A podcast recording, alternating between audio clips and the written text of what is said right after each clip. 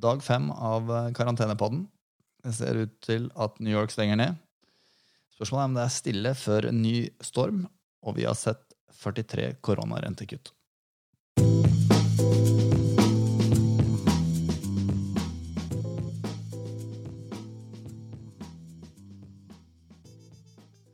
Jeg må selvfølgelig ha med min eh, faste sidekick, så da tar vi og ringer opp han.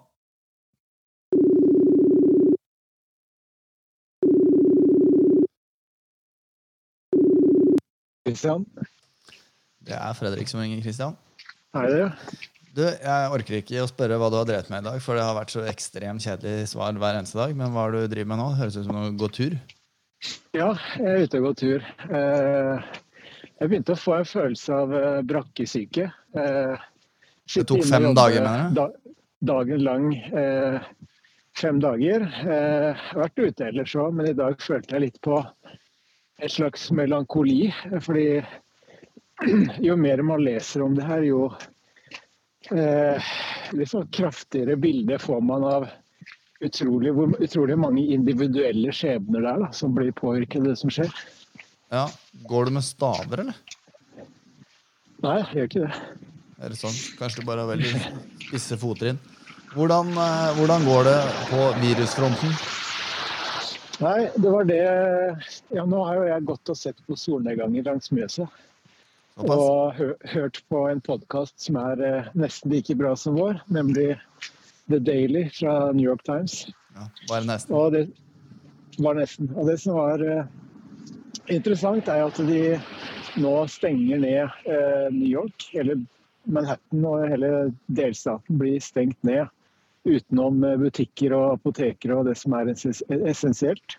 Hadde en liten, og- hadde en liten pun intended i introen der, for de som skjønner det.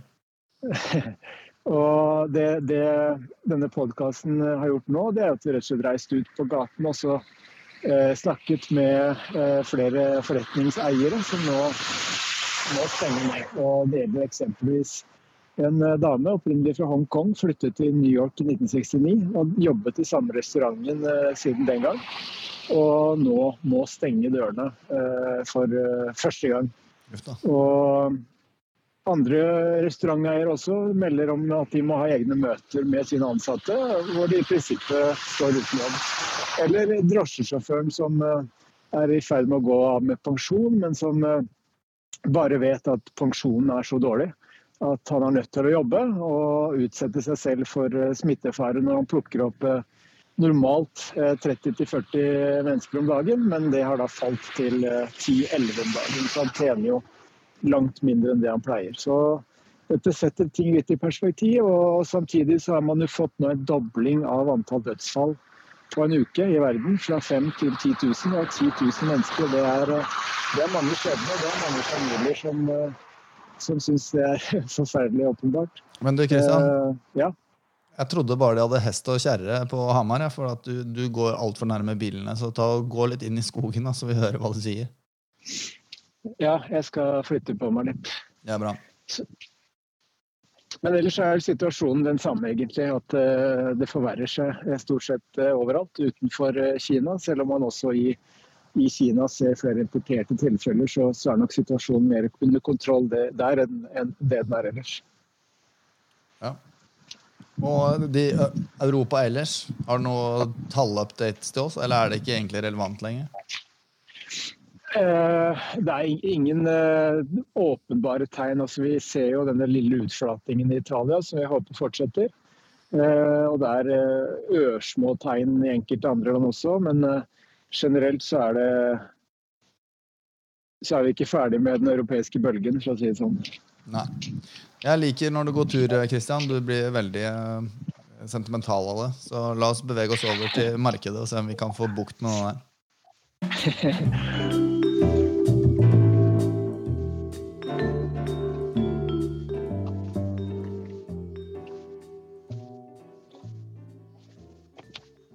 Ja, Hvordan har det gått i markedet i dag?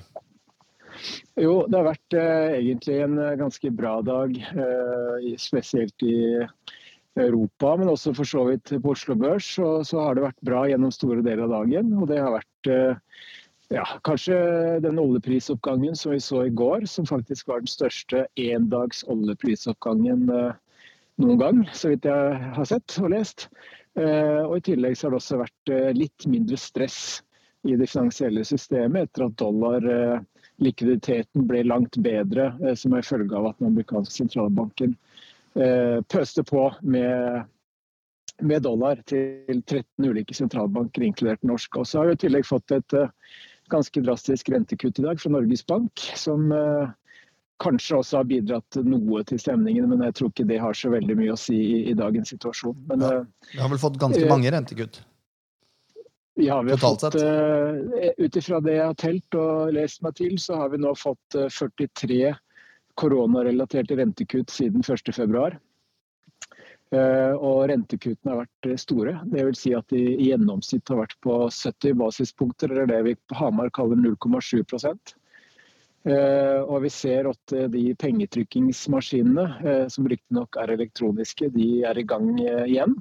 Og sentralbankene varsler tilnærmet uendelig med, med likviditet gjennom disse kvantitative rettelsene. Så i tillegg til det sentralbankene gjør, så er det også omfattende tiltak fra egentlig alle land, eh, som nå bruker ekstremt mye penger på å prøve å absorbere negative konsekvensene av det vi bl.a.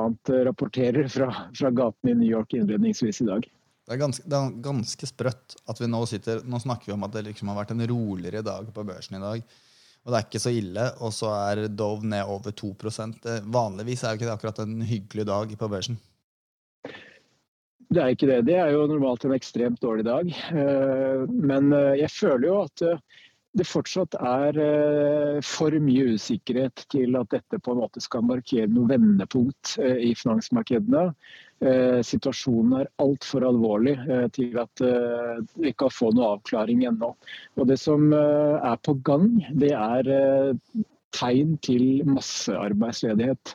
Eh, vi har sett tegn til det i Norge gjennom et ekstremt høyt antall eh, søkere til, eh, til Nav-tiltak og ledighetstrygd. Og vi har også USA, som jeg var inne på i går, sett en kraftig økning allerede i antall nye søkere til, til, tiltak der også. Og Der kom det en ganske guffen melding fra Goldman Sachs i dag tidlig som jeg la ut på min Twitter-konto, om at de eh, forventer at vi kan få 2,2 millioner nye eh, søkere til ledighetstiltak i USA neste torsdag når tallene kommer. Og det vil i så fall være en ny rekord. Og andre tall stipulerer at det kan bli enda verre enn det. Så vi står foran en sinnssyk økonomisk eh, krasj som med all sannsynlighet vil påvirke finansmarkedene i lang tid fremover. Nå ser vi nå, Er det noe på policy-siden som har vært å nevne fra i går til i dag?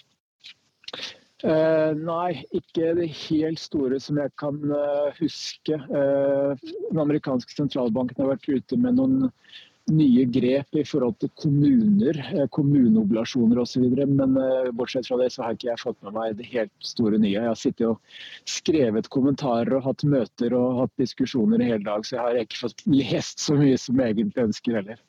Ja, men Da kan vi jo avslutningsvis plugge. Har du noe som kommer som er lesbart gjennom helgen? Eh, ja, for de som vil lese min eh, ferske ukeskommentar, så ligger den på Danske Bank sine hjemmesider nå. Men den publiseres også hver søndag som en gjestekommentar på finansavisen.no. Ellers så vil jeg jo anbefale alle å, å, følge meg på Twitter, for der legger jeg ut alt det som jeg stort sett publiserer, og noen kommentarer og meninger og synspunkter også. Og der var handelen din det er alfakrøll lie chr. Det er bra. Du, Bare et siste spørsmål før vi runder av. Vet du hvor mange land det er i verden? Eh, nei, det har jeg ikke tall på. Vet du hvor mange land som eh, det er koronasmitte i nå? Det er rundt 150, er det ikke det? Det er rundt 180, og jeg tror, det her vet jeg ikke helt sikkert, men jeg tror det er rundt 240 land i verden. Det betyr at det her begynner å minne skremmende om spanskesyken. Så med den hyggelige lille kommentaren her så sier jeg takk til deg, Christian, og god helg. God helg til deg òg.